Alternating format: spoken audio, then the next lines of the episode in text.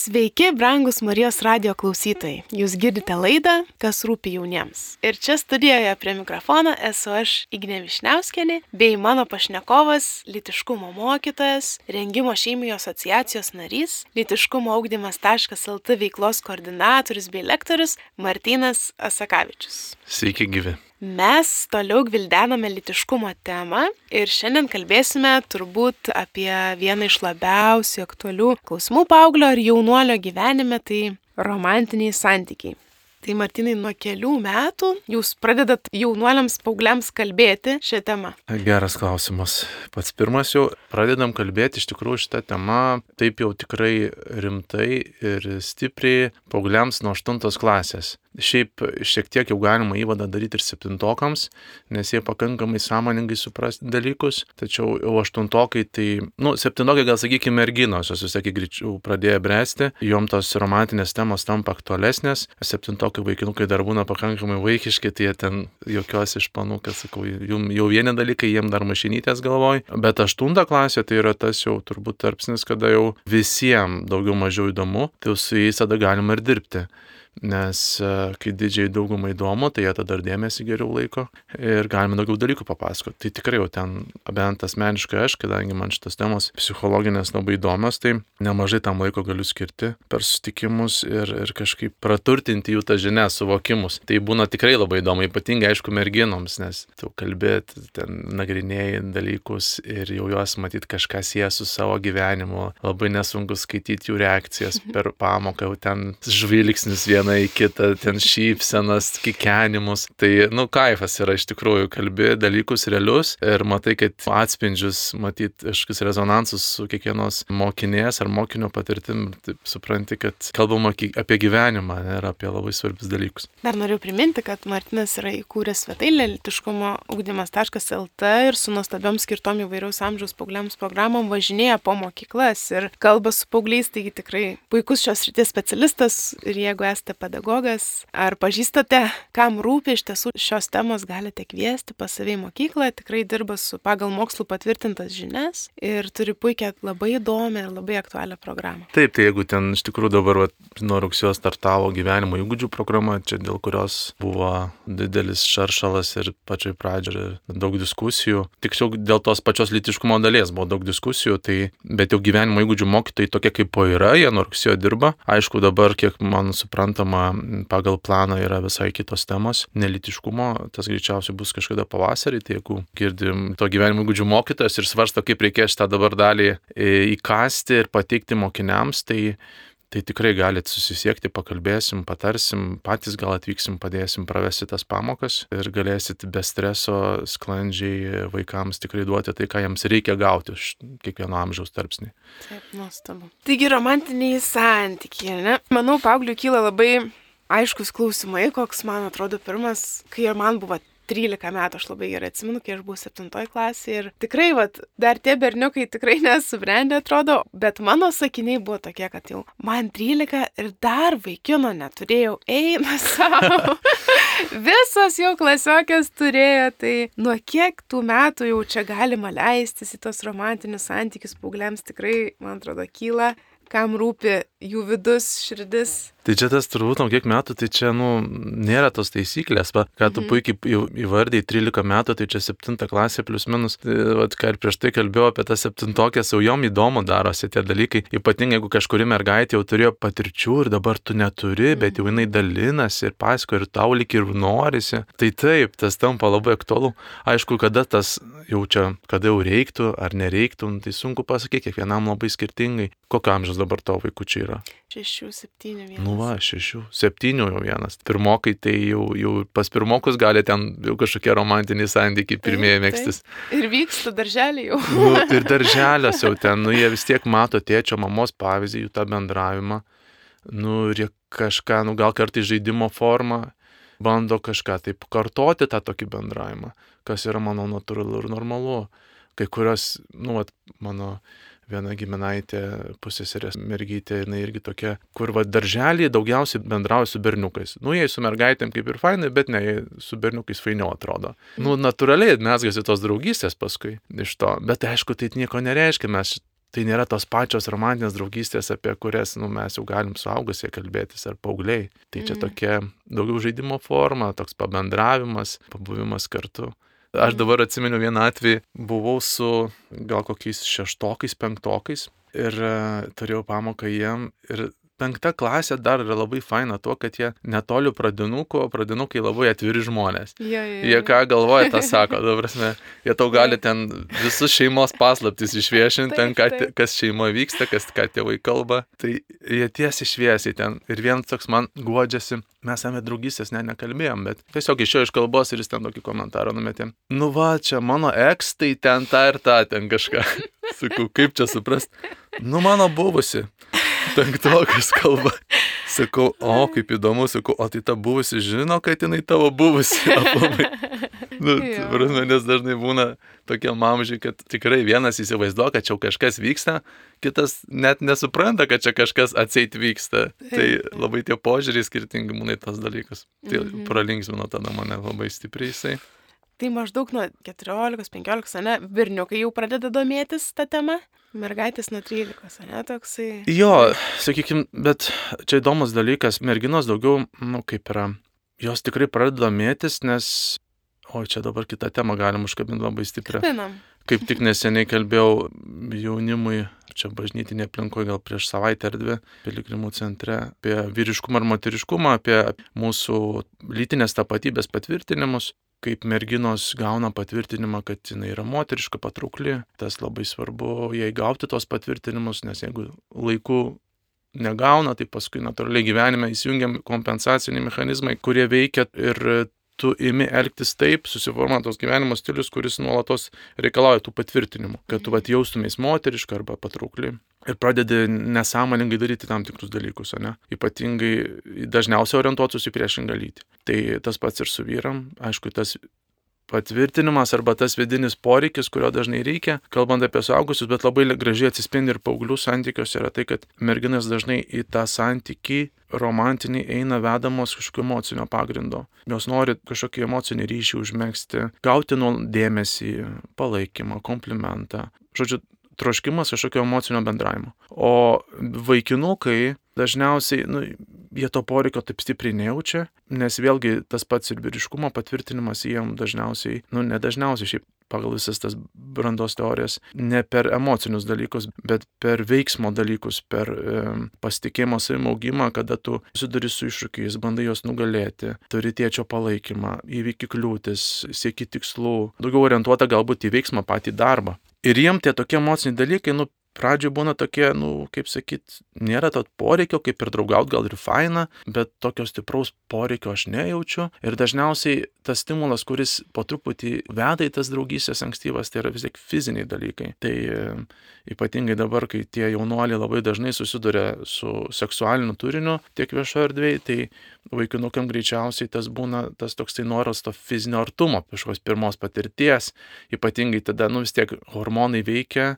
testosterono kiekiai ant maks padidėja paauglystėje, potraukis stiprėja ir kiekvienas tas atrastas, kad o kaip faina, kad čia aš galiu prisiglaus prie kažko ir man ir ne taip per emocinę pusę, bet galbūt kažkaip, o kažkaip fiziškai, nu, tas seksualumas mano jį atbunda. Vaikinukam kiek pastebiu ir kiek pats iš savo patirties kalbu ir, ir turbūt ir klausytojai gali atgaminti tam tikrus dalykus, kabutėse sakant, tai greičiausiai tai yra fiziniai dalykai. Ir dažnai merginos būna tos, kurios inicijuoja tą santyki. Kiek aš pastebiu, ypatingai ankstyvai paauglystė yra tas, kurios jau jos jaučia poreikiai tam ir jos pirmus žingsnius lik ir pradeda dėmesį kažkaip ar ten kalbėti. Aišku, vaikinai mes tokie nesam, kad ten viskas skaitom visus tos ženklus ir dažnai merginom reikia tikrai pavarkti, kad tas vaikinas suprastų, ką tu čia dabar nori ir kodėl tu čia tą dėmesį rodai. Bet vėliau su metais, aišku, tas pastovumas gerėja ir dažniausiai tas noras eiti į tą santykių, kurį lik ir mergina kviečia arba kurio lik ir trokšta, dažniausiai vaikinų yra ta fizinė priežastis. Aišku, čia gali mane kažkas kritikuoti, kažkaip kitaip e, sakyti, bet aš neabsoliutinu bet kuriuo atveju, tikrai niekada neabsoliutinkim, kad čia visiems taip yra, bet dažnu atveju aš įsivaizduoju, kad yra taip ir kiek matau iš santykių, iš santykių paskui iš merginų pasipasakojimo, ne, ir pačio vaikinų elgesio, kaip jie stipriai orientuoti į tos fizinį artumą e, santykių pradžioje. Tuo tarpu, kai merginom atrodo to fizinio, jos, nu, nenori to lik ir, ar kalbant apie seksą ar kitus intimus dalykus, nu, lik ir nėra to didelio poreikio kažkur, paskui taip natūraliai jau ten kažkas natūraliai gali atsirasti, bet tai tokie pirmi tokie, sakykime, pasimatymai ar bendravimo mėnesiai, nu, kur lik ir nėra didelio poreikio, daugiau tai tas poreikis emociniam ryšiui, kaip sakiau, pasvaikinus ne, pasvaikinus dėl to atbūna tas seksualumas ir jie kiekvieną kartą vis, vis nori to fizinio artumo. Ir čia, nu, yra paskui dalykai, kurie vėl gali labai įdomus atsitikti dažnai merginos. Pastebėję, kaip vaikinui tas yra svarbu, tas fizinis artumas, norėdamos Ir kartu, aišku, jos gauna ir tą emocinį, nu, per fizinį artumą jos gauna dėmesį, gauna palaikymą, jinai jaučiasi patraukli, jinai jaučiasi norima, geidžiama, galbūt ten. Aišku, mes nekalbam apie septintokės, bet jau galbūt vyresnės gimnazistės, mhm. pavyzdžiui. Jei tas santykis kaip ir pradeda tikti. Ir jinai suprasdama, kad galbūt man dabar čia dar nesinori tų visų fizinių, superintimių dalykų, seksualinių, bet matydama, kaip svarbu vaikinui, dažnai tam pasirašo. Manydama vėlgi, aišku, čia galėsim nepataisyti, nes vat, gal tu kaip moteris turi savo patirčių, pasidalinti gal kažką tai manydamas, kad jeigu tokiu būdu aš kažkiek duosiu savęs arba va, tos patirties bendros, o ne seksualinės, tada aš kažkaip, nu, lik ir va, jį išlaikysiu, jis lik ir bus mano ir, nu, vyks kažkokie mainai, dėl kurių, sakykime, jisai bus su manim, nes tikslas jį kažkaip išlaikyti, ne, kad, o tikslas išlaikyti todėl, kad nuolatos gaučiau kažkokio dėmesio iš to žmogaus. O tas dėmesys kam reikalingas? Tam, kad jaučiuosi moteriška, patraukli ir kas ir labai kiekvienai moteriai svarbu. Tai, bet tai labai svarbus dalykai. Vienom labai anksti anksti šitas dalykas pasireiškia. Tai yra mergaitės jaunos, pakankamai ten šeštokės, septintokės jau labai nori tų santykių romantinių, o kitos šeštokės, septintokės jom ten visiškai šimtas metų, jam visiškai nes nerūpi dar. Ir tik vyriausiose klasėse galbūt jau, jau pradedama mąstyti apie tai. Tai čia irgi tas susijęs su šeimos dalykais, su tėčio ir mamos vaidmenius, mergaitės ryšius su tėvais. Kiek jinai vad gavo to patvirtinimo, kad jinai faina, kad jinai pati gražiausia, kad jinai pati svarbiausia. Aišku, šitus patvirtinimus ypatingai tėtis daro kaip priešingos lyties atstovas. Ir jeigu tų patvirtinimų nebuvo, arba nebuvo to žmogus, kuris tuos patvirtinimus padarytų, merginos pasąmonė, tai jai natūraliai paskui labai anksti paauglystės pradžioje pradeda tos skylės atsiverdinėti ir nori kažkaip tas skylės užpildyti to patvirtinimo, kuris nesusiformavo nuo vaikystės. Ir tada įsijungia, nu kas lengviausia kaip užpildyti, nu, per vėl per priešingą lytį ir tada noras tai greičiau čia tą santykį gauti. Ir labai pastebi variantų, nežinau, kaip tu iš iš savo aplinkos, aš iš stovyklų atsimenu tokius atvejus, kada ten merginos, pavyzdžiui, iš, mm, sakykime, socialiai jautresnių šeimų, ten, kur galbūt yra probleminiai kažkokie atvejai, arba augus su vienu iš tėvų, arba ar, ar iš vis be tėvų, pavyzdžiui, su seneliais. Ir matosi, kad tas dalykas, vat, jei neįskiepytas, ne? tas čia, kur, kad tu esi moteriška, tu esi patraukli ir tokia visada būsi nėra padarytas. Ir tada labai anksti tos merginos veliasi į tuos santykius. Ir dažniausiai tie santykiai būna labai netvarūs. Ten tie vaikinukai keičiasi, keičiasi. Dažniausiai iki pirmų kažkokių nesutarimų. Prasidėjo nesutarimai, vėl pradėjo trukinėti tas mhm. dėmesio kaip komplimentų ten viso ko gavimas ir tada jau vėl ne, ir iš jos pusės yra nelaimingumas, nepastenkinimas tuo santykiu ir natūraliai jinai kaip vartotojas, aš čia gal grubiai sakau vyriškai, mhm. bet bando gaudyti kitą signalą, prie kurio galėtų prisijungti, kuris o duotų tą stipresnį ryšį. Ir dažnai aš stebiu, kad tos merginos ypatingai keičia tos vaikinus, ten jų gyvenime keičiasi tie vaikinai. Oi, čia mes nukrypom normaliai, nežinau ar planavom apie tai kalbėti, bet taip gavos. Vis tiek tikrai aktualiai, manau. Ir jeigu klauso, įsivaizduok mūsų paauglės, ar ne, kai aš buvau 15 metų aš pradėjau draugauti su savo būsimu vyru. Ir aš neįsivaizdavau, kaip tai reikia daryti. Aš tikrųjų, kaip tu pasakoji, ir tie hormonai, ir tavo kažkoks trūkumas tų, nu, iš tėčio patvirtinimų. Ir ten labai labai labai daug visko, tu puoliai tą visą ir gali tikrai labai daug prisidaryti ir klaidų. Ir, nu, ir, ir tikrai susigadinti gyvenimą gali. Kaip draugauti? Aš, aš tai, pažiūrėjau, neįsivaizdavau. Nuo paėmimo už rankos iki ilgų pokalbių telefonu, iki pirmo bučinio aš žinau tik vieną. Negaliu turėti lytinius santykius iki santokos. Va, buvo mano pagrindinė taisyklė. Bet galbūt yra kažkokios taisyklės, nu ką daryti, ko nedaryti, kad neprisidirbtų, ar kaip, nežinau, aš atsimenu savo metu, nežinau, ar tu esi skaitęs atsisveikinimo bučinys pasimatymas, esi skaitęs. Aš dar neskaitęs, bet jinai mano toj didžiuliai eiliai laukiančių knygų ir aš ją tikrai perskaitysiu. Jo, jinai ten tokia, nu tokia idealistinė siekėmybė, aš atsimenu savo laiku perskaičiau, bet jau buvau pradėjus draugauti su Karoliu savo vyru. Mhm. Tai, nu, toks, man reikėjo, kaip sakant, ta knyga kviečia atsisveikinti su pasimatymais ir draugystė. Tai, nu, nepavyko, ką dabar nemini savo vaikino ir už tai nemesiu. Bet tikrai nuostabi tokia sėkmybė, aš tuo metu labai buvau sužavėta. Tai va, tai ar yra kažkaip, va, man ten buvo rodiklis, žinai, kaip elgtis. Vienintelis šituo laikotarpiu. Ar tu galėtum kažką patarti? Aš galiu vieną patarimą merginoms duoti. Aš dažniausiai duodu ir sakau, kad tai yra labai svarbu. Jeigu norit patikrinti, su kokia intencija į santykį ateina vaikinas, nu, aš čia taip jau užmėsiu grubiai, bet kokius tris mėnesius nesileiskite jokį fizinį artumą. Aš kalbu apie bučinius. Nu, apsikabinimai, tai čia dabar jau yra kultūros dalis, pasisveikinant, atsisveikinant, tai čia tas jau, mhm. tos, kaip sakyti, jau mums tas nebėra toks gal intimus dalykas, nu, nebent jau ten jisai užtruktų ten penkias minutės tas apsikabinimas, tai natūraliai jau ten kažką gal pradėtų kelti, bet tai gal irgi nėra kažkokia, nu, nuodėmė, ar jau kažkokia rizikos lemputė užsideganti. Bučinys, aišku, turbūt yra tas lūžio taškas, aš galvoju. Tas rimtesnis lūžio taškas, po kurio galbūt bučiniai lūpas į lūpas, po kurio tikrai jau įsijungia mechanizmai ir kyla apetitas, ypatingai vaikinui, gerai, ką dar, noriu daugiau. Ir tada, nu, sportinis interesas dažniausiai suveikia pas vyrus, bet ką, vat, grįžtų vėl prie tos temos patarimo. Tris mėnesius siūlyčiau nesileisti tokius tikrai intimumus. Tebūne gal ir bučinys buvo, aišku,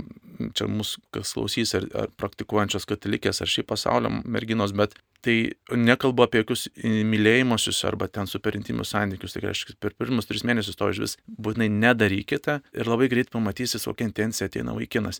Jeigu jis ateis tikrai vedamas seksualinių kažkokių paskatų, jūs pamatęs dėl jūsų išvaizdos seksualios ar patrauklios, simpatiškos, dėl kūno formų ar kažko, tai labai greitas išlys į paviršių. Ta prasme, kad atsiras santykiai labai greitai įtampa ir tais lengvai išduos ir tą lengvai pajusit per jo tokį vis didėjantį spaudimą bučiniui, per didėjantį spaudimą glamonėm ir kitiem dalykam. Tai iš tą labai lengvai galit pastikrinti ir paskui suprasti. Ne? O jeigu vaikinas kartais ateina į santykį ir neturėdama šitų paskatų. Bet merginos dažnai, mums aišku, vyrams su savo seksualumu tikrai galima valdytis ir tas pavyksta, bet labai viskas priklauso ir nuo moters. Mano supratimu vis tiek moteris yra tas žmogus, kuris uždeginėja tą šviesaforo lemputės. Na, čia galima, čia negalima. Aišku, abiem tas reiktų raudonas linijas nusibriežti kažkokias, jeigu sąmoningai tas santykis vyksta, bet pačioj pradžioj tai mergina vis dėlto, aš galvoju, yra ta, kur, nu, vis tiek čia, nu, dar ne, nesileidžia, ar ten tam pačiam bučiniui, ar dar kažkam. Arba duoda suprasti,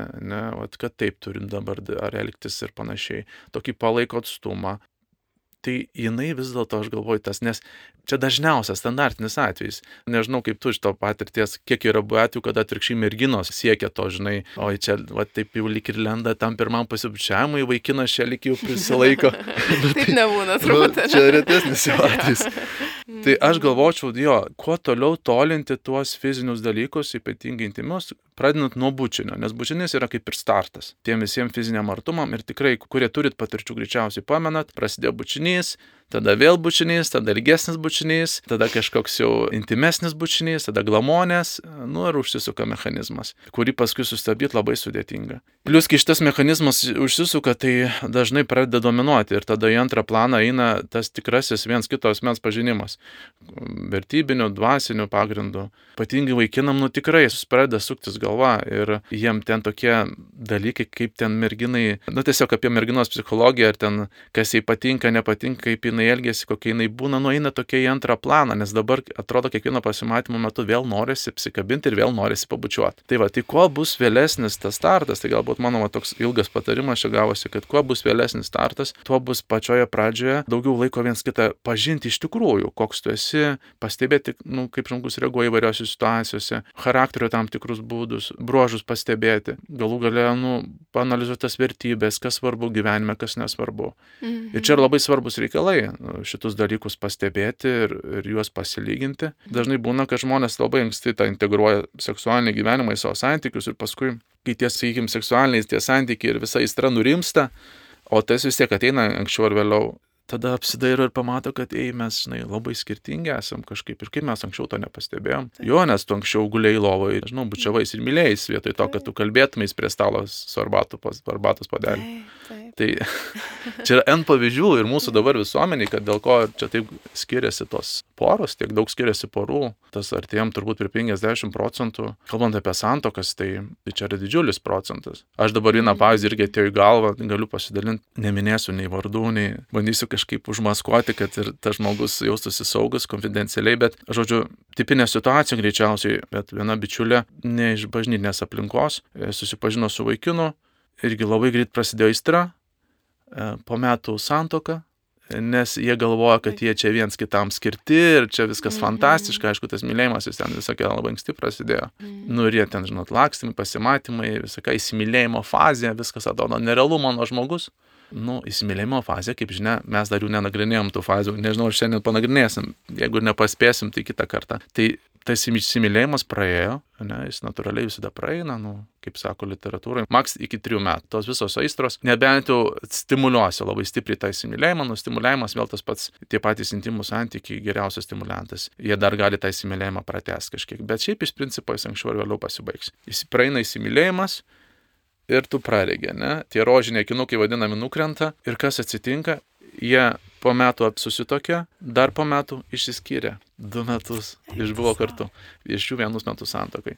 Už tai, kad įsimylėjimas priejo greitai, nu, įsimylėjimas gali ir anksti praeiti. Nu, jiem šiuo atveju praėjo kažkur santokoje, gal pusmečiui praėjusi, ne? Mm. Baigėsi tos visos aistros, o aistros dažniausiai baigėsi jau, kai čia gal, nežinau, ar Marijos radioterį, bet iš principo jau tu viską gauni ir visai kaip tą medų išragauni, kabutėse, mm. išbandai visą, ką tu ten tik fantazija tavo neša prasideda pirmoji rutina, nu ir aistra pradeda slopti. Sumažėjo tos aistros ir kas tada ir žmonės pradeda blaivėtis iš tos emocijos, iš to įsimylėjimo būsenos ir aiškiau viens kitą matyti. Ir tas vaizdas dažniausiai ne visiems patinka, ką jie mato. Tas žmogus priešais tave esantis tai nepasikeitė pradeda keistis tavo žvilgsnis į tą žmogų. Taip. Ir čia labai įdomu. Ir tu pradedi kitaip matyti jį, nes tave jau nebeveikia ta emocija, kuri veikia prieš tai. Ir tau tas vaizdas gali ne visai patikti. Ir šiuo atveju tas pats buvo. Suprato du žmonės, kad jie visiškai neturi nieko bendro. Skiriasi vertybės, pomėgiai, pasaulyje žiūrė, viskas skiriasi. Jie praktiškai ėmė net nebesusitikti kasdieną. Tik tai naktį, kada grįžta viens iš darbų ir kits iš darbų, grįžę dažniausiai net neturi ką kalbėti, nes jie visiškai skirtingose sferose dirba ir vieno kito sfera jiem neįdomi visiškai. Visiškai, nes yra kardinaliai skirtingos. Nu va, nebuvo sukurtas tas ryšys, nes santykis buvo statomas ne ant vertybinio kažkokio emocinio, to tikrojo ryšio, bet ant aistros, o aistra yra super nestabilus pamatas, kuris anksčiau ar vėliau subirės. Aš tai tik tais galiu pantrinti iš tiesų, kai draugavom su savo vyru, tikrai va tą tokią aistrą bandėm visom ir ribom, ir, ir, ir žodžiu, visai kaip ją mažinti, tam, kad nenaitume iki lytinių santykių, iki santokos. Mūsų toks buvo tikslas. Ir tai, kad aš turėjau drauges, kurios lygiai grečiai su manim draugavo, bet lytinius santykius propagavo savo draugystėje, aš galiu palyginti tas draugystės tada ir kai tu neturi to intimumo, labai stipriai išsiskleidžia tavo toksai, tikrai va tas, kaip Martinas mini, ryšys ir Ir tada tavo kūryba išsiskleidžia, tada tu galvoji, kaip tam žmogui parodyti, kad tu jį myli, ten a, supakuoji dovanėlę, iki šį kišenę, kai nemato, nežinau, padovanoji fainą biletą į koncertą bendrą, ten ben, grupę, kuri patinka, ar ne, ar, ar ten visai, visai tą kūrybą, ar ten ilgi, ilgi pokalbiai naktį yra, nu, daug, kaip sakant, taip, naudingesnė taip. jūsų draugystėj, negu ką jūs darysit naktį, pasimylėsit ir eisit miego turbūt, žinai. Nu, tikrai nešnekėsit toliau iki paryčių, o tai yra, nu, daug, daug naudingiau, kuriant ilgalaikius lygiaverčius santykius viens kitam, tai tas tikrai tu atsisakai vieno, bet gauni daug gražesnę puokštę tiesiog visos kūrybos jūsų draugystėj, kuri nustato teisingus pamatus ir vėliau tikrai atsiperka. Tu geriau pažįsti žmogų per tą laiką. Taip. Ir tas yra labai svarbu, kad tu žinot, su kuo tu santyki tą kuri. Aišku, šitas tavo pasakytas receptas, kurį propaguoja bažnyčia, tai jokių būdų negarantuos šimtaprocentinės sėkmės. Tai nereiškia, kad jūs čia su vyru amžinai laimingai iki galo, iki, nu, iki mirties ir gyvensit. Tai aišku, tai yra šitas receptas siūlomas, aišku, nebereikalo. Jisai padidina tikimybę ir dėl to padidina, apie ką mes ir kalbėjome, ne, kad nu, suklojame teisingi pagrindai, aiškesnis ir viens kito pažinimas. Tai kaip ir duoda pagrindą didesnius šansus tikrai išbūti ilgiau kartu. Bet tai aišku, jokių būdų negarantuoja visada šimto procentinės ten sėkmės, sakykime, santykio. Tik turiu, turbūt yra tų pavyzdžių ir bažnyčioje, kurie žmonės, sakykime, laikėsi kažkokių standartų, bet, nu, ir, ir, ar, ar tos skaistumo iki santokos. Ir vis tiek paskui išsiskiria žmonės, ar, ar paskui skirtingais keliais. Nu, ir tai yra gyvenimas, taip gali būti. Ir, ir, ir jokių būdų negali būti taip, kad, žinai, ten, kur tie, va, pasaulyje žmonės, kurie, nu, sakykime, neišlaukia iki santokos. Nu, aš gal tą sakau ir kad klausytojai, ypatingai jauni žmonės, kurie galbūt ne visi išlaukia kitos santokos, nenurašytų kažkaip taip, taip savęs ir savo tų santykių, kad viskas jau mes šiandien išlaukiam, jau vadinasi, į tą 50 procentų kaip minimum jau einam statistiškai ir dabar mums turbūt šakės tai bus. Tai jums nebus šakės, jeigu jūs to nenorėsit, jeigu abu stengsitės ir kursit tą santykį ir dirbsit dėl jo. Tai va, tai bet kuriuo atveju tai nereiškia, kad jau čia nesėkmė bus, jeigu tas fizinis ar ten seksualinis artumas atėjo šiek tiek anksčiau su santykius, dar iki santokos. Bet yra tam tikros siekimybės, kurios yra nebereikalo matyti ir jeigu tikrai norite kad tas santykis būtų kuo tvirtesnis, gražesnis, gilesnis, tai tada dėl to tam ir yra patarimai, apie kuriuos mes čia kalbam, analizuojam. Ir tas objektas, apie kurį dabar šiandien kalbam, taip natūraliai gavosi, net neplanuotai tas seksualinis fizinis artumas. Nu, iš principo, jį turėtumėt instaliuoti savo santykius kuo vėliau. Ir kuo vėliau tam, kad liktų laiko, vad būtent tai kūrybai, apie kurią Igna ir kalba. Mm -hmm. Jo. Taip. Labai gražus dalykai. Ir tas pokalbis iki išnaktų, o negulėjimas apsikabinus iki išnaktų Taip. yra skirtingi dalykai. Ir daug daugiau vertės gausit iš to pokalbio. Ir čia vienas pagrindinių indikatorių, aš galvoju, irgi, jeigu kažkas vat, iš jaunų žmonių iš tikrųjų mūsų girdės šitą laidą, tai Jeigu turit su žmogum apie ką kalbėti ir jums nesijaučia tas laikas krieja ten ir iki pat išnaktų galit praplepėti, tai čia yra labai gražus, svarbus ženklas, kad yra viskas gerai, kad jūs visai tinkate kažkiek viens kitam. Kiek tinkate, nu laikas parodys, bet jau yra pirminis labai geras ženklas, ne? nes turėti apie ką kalbėti, čia yra super geras ženklas. Ir nejausi dar bėgančio laiko, tai yra wow. Praeitą laidą minėjai tokį labai įdomų faktą, kad dabar tiksliai nepakartosiu, bet gal tu prisiminsi, kad vaikino įsimylėjimas ateina šiek tiek po laiko, truputį vėliau nei merginos. Tai čia tas mhm. įsimylėjimas ir, ir vaikinui gali būti pirmam. Ir labai dažnas atvejis, tarp kitko, kada vaikinas įsimylė merginą, jos siekia, dėl ko yra tas posakis super geras, kad e, vyrai myli akimis, o moterys ausimis. Mhm. Žinai šitą posakį? Taip, taip. Nu va. Taigi pradžioje tai akis naudojam. Taip. Tai va ir čia ir gaunasi taip, kad labai dažnai vaikinai tie pirmie, kurie įsimylė, nes jau jie mato vaizdą, dažniausiai tuos išvaizdą patraukia, sudomina.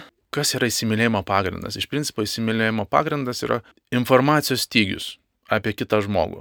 Mhm. Nes iš informacijos stygiaus tu ir pradedi svaigti ir fantazuoti, ant kiek tau tas žmogus fainas ir taip tau tinks. Ir matydamas vien tik ten jo tam tikrus ribotus informacijos šaltinius, nu, išvaizdos ten nuotraukas Instagram ar dar kažką, ar šiek tiek paplepėjęs ir tu ten, o jau tau atrodo, kad čia viskas labai liuks ir ant tų kelių, bet taškelių tu pradedi statyti savo tą požiūrį į asmenį, plus dar da fantazuodamas daug ten pridėdamas ir tau, wow, gaunasi labai gražus susimylėjimo burbulas. Tai dažniausiai aš kiek pastebiu, nu, aišku, ne, galbūt galbūt nedažniausiai vėl, bet tikrai nemažai tų atvejų, kada vaikinai tikrai pirmieji, tie, kurie įsimylė ir arba labai stipriai susižavi. Ir merginos dar taip lik ir taip atsargiai mato tas vaikinas, gal rodo dėmesį, bet taip lik ir prisisaugo. Bet yra kiek daug tokių atvejų, kada jeigu vaikinas netlyšta, jisai vis tiek taip e, reguliariai, protingai, išmintingai supranta, kaip tą dėmesį rodyti, merginos po truputį atsigrėži ir merginos irgi po truputį pradeda jausti jam simpatiją.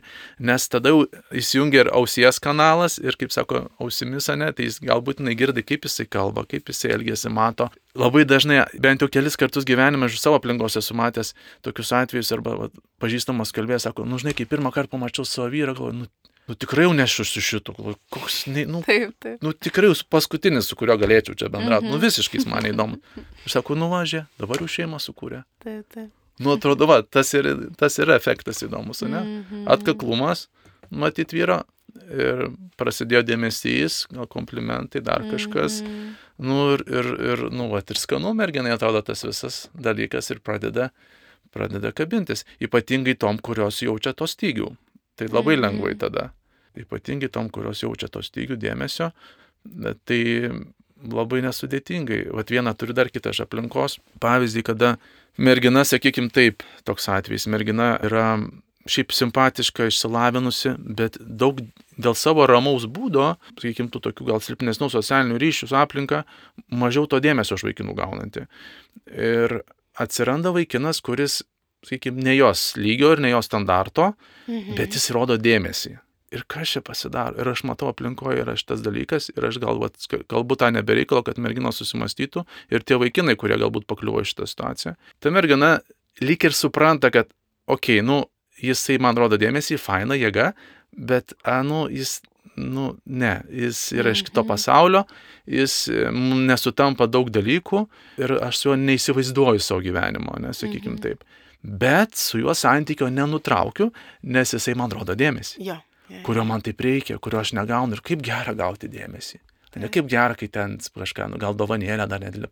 Nu, to dėmesio rodymai yra visokiausiais būdais. Mhm. Tai uh, ir aš tipiu, kad nu, matau, kad poros ant kiek skirtingos yra, nu, tvarsme, nu, jos dar net nėra poros, bet kažkokios draugysės besimesgančios, ant kiek skirtingi žmonės, galvo, kaip jiems būtų sudėtinga galbūt kartu būti, bet va tie kažkaip tą santykį libdo, libdo ir aišku, tas santykis toksai dažniausiai ir nenusilibdo, kartais ir nusilibdo į kažką, Bet dažniausiai paskui tokios poros, nu, jos būna irgi labai netvarios, nes jie yra dažniausiai labai skirtingi žmonės. Mhm. Ir tada daug pastangos reikia, kad tą santykį išlaikyti. Mhm. Bet šiuo atveju, kurį pavyzdį norėjau pasakyti, tai yra tas atvejis, kada nu, mergina vat, prilaiko vaikiną, jam kažkokios sustačius tam tikrus barjerus, kur jau kažkokius romantinius santykius neprileidžia. Mhm. Nu, nes suprastų, gal nesivertas to, bet kartu ir nepasako ne kad, žinai, nu, mums čia nieko neišeis. Jis savotiškai duoda viltį, ta viltis, žinai, yra ta paskata tam vaikui, nu ir toliau rodyti tą dėmesį. Jis gauna tą dėmesį, kur ir nori. Toks susisuka, nu, ratas. ratas, kuris niekur neveda iš principo, veda tiesiog į kažkokį paskui galutinį nuovargį ir vis tiek turbūt galų galę tą santykių išširimą. Tai aš mm. vat, labai įdomi stebi tokius santykius aplinkoje. Tu vis tiek dirbi su jaunuoliais ir paaugliais. Ir kokia yra pagrindiniai jiems aktualija klausimai apie va, tą romantinę draugystę, kokių klausimų susilaukia? Susilaukia kažko, ko, nežinau, nežinotum arba, arba suglumintų tave, arba iš tavo patirties kalbant? Sunku pasakyti. Čia yra ta tema, kur tų komentarų daug nesulaukiu. Bent jau aš. Jie taip tyliai, ne viską išklauso. Tiesiog juokiasi, hikena, mm -hmm. linksi -hmm. arba nelinksi galvom, bet būna kartais, vat kolegė metodus, aš tiek, kiek mes su jie skirtingus metodus taikom, edukacijų metu, tai jos metodai išprovokuoja nuomonės dažnai požiūrį į priešingą lytį ir gal net ir į santykį, bet aš tų metodų nedarau, nes jie tokie pakankamai tipiniai, standartiniai, ten dažniausiai naujienų nebūna juose, bet mhm. irgi labai gražiai parodo, kiek yra susiformavę požiūriai viens į kitą. Pauglių vaikinukų į merginas ir atvirkščiai. Kokie mhm, stereotipiniai mhm. netgi tie požiūriai susiformavo. Ir net apie patį romantinį santyki kalbant, labai yra tas kažkoks susiformavęs panalizuoti reiktų iš kur mhm. jisai. Tas vaikinukų nuomonė, ypatingai ne iš didmešių vaikinukų, iš, sakykime, mažesnių miestų arba rajonų. Ai, tai čia merginai svarbiausia pinigai. O, Va, bus pinigai, bus yes. mašina, bus kažkas, nu ir turėsiu tą merginą. Tai čia svarbiausia pinigai. Ir dar yra kitas dalykas, kuris nėra labai malonus. Tai čia nežinau, ar mūsų pokalbio pabaigai tinka. Nu, bet kadangi atėjo į galvą, tai dalinuosi. Su penktokais, šeštokais mes apie lytinį brandimą, kad dar paauglystę kalbam, duodu šiam ten tokį kvizą ir e, kurio vienas paskutinių klausimų yra, kaip vaik... mes, nu, kadangi kalbam atskirai su berniukais mergaitėm, aš galiu kalbėti su vaikinukais, būna paskutinis toksai klausimas klausimino, merginas reikia, dvitaškis, mhm. ir paskui ten keturi pasirinkimo variantai. Mhm. Mylėti, gerbti, rūpinti, saugoti, turbūt tokie ir yra mhm. išvardinti. Ne? Iš principo ten reiktų tiesiog visus pažymėti, nes jie visi tinka. Tai kas įdomiausia, ne visus kartais pažymė penktokai, šeštokai. Vadinasi, ne, nu, jūsų supratimu tikrai nereikia ten visų mylėti, saugoti, rūpintis, gerbti. Čia tas įdomu. Ir Aha. kas įdomiausia, kad dar iki užkraunant klausimą mhm. platformoje internetiniai, jie dar tų variantų nemato, bet mato klausimą visų pirma, jie jau mhm. pradeda patys savo siūlymus duoti, ką čia su jomis reikia daryti. Ir jie dažnu atveju nebūna labai padorus ir netgi, sakyčiau, mhm. pakankamai nu nešvankus. Ir kas yra liūdna šiek tiek, kad jau penktoko, šeštoko galvoji tokios mintys ir garsiai ant klasės šaunai žodžio formate. Tai Jie kaip ir supranta tos dalykus, o jie supranta, koks yra teisingas atsakymas, vertybinė prasme. Jie tą atsakymą žino, jaučia, bet jų galvose yra tiek daug visokio brudo, kuris juos tiesiog skatina kartais elgtis visai kitaip. Na ką, tai turbūt tikrai taip ir pabaigėm, ar ne? Tai labai tau ačiū už pokalbį, tikrai buvo smagu išgirsti apie tos romantinius santykius ir tikiu, kad bus naudinga. Ir... Galėsim dar, iš tikrųjų, kadangi mes čia jūs taip daugiau dalinomės vas, įspūdžiais, sakys, neplanuotai, bet galėsim kitą laidą dar padaryti apie, apie tikrai tas romantinės fazes. Labai įdomu panagrinėti jas. Kaip žinia, mes jas turim tris - susižavėjimas, įsimylėjimas, meilė.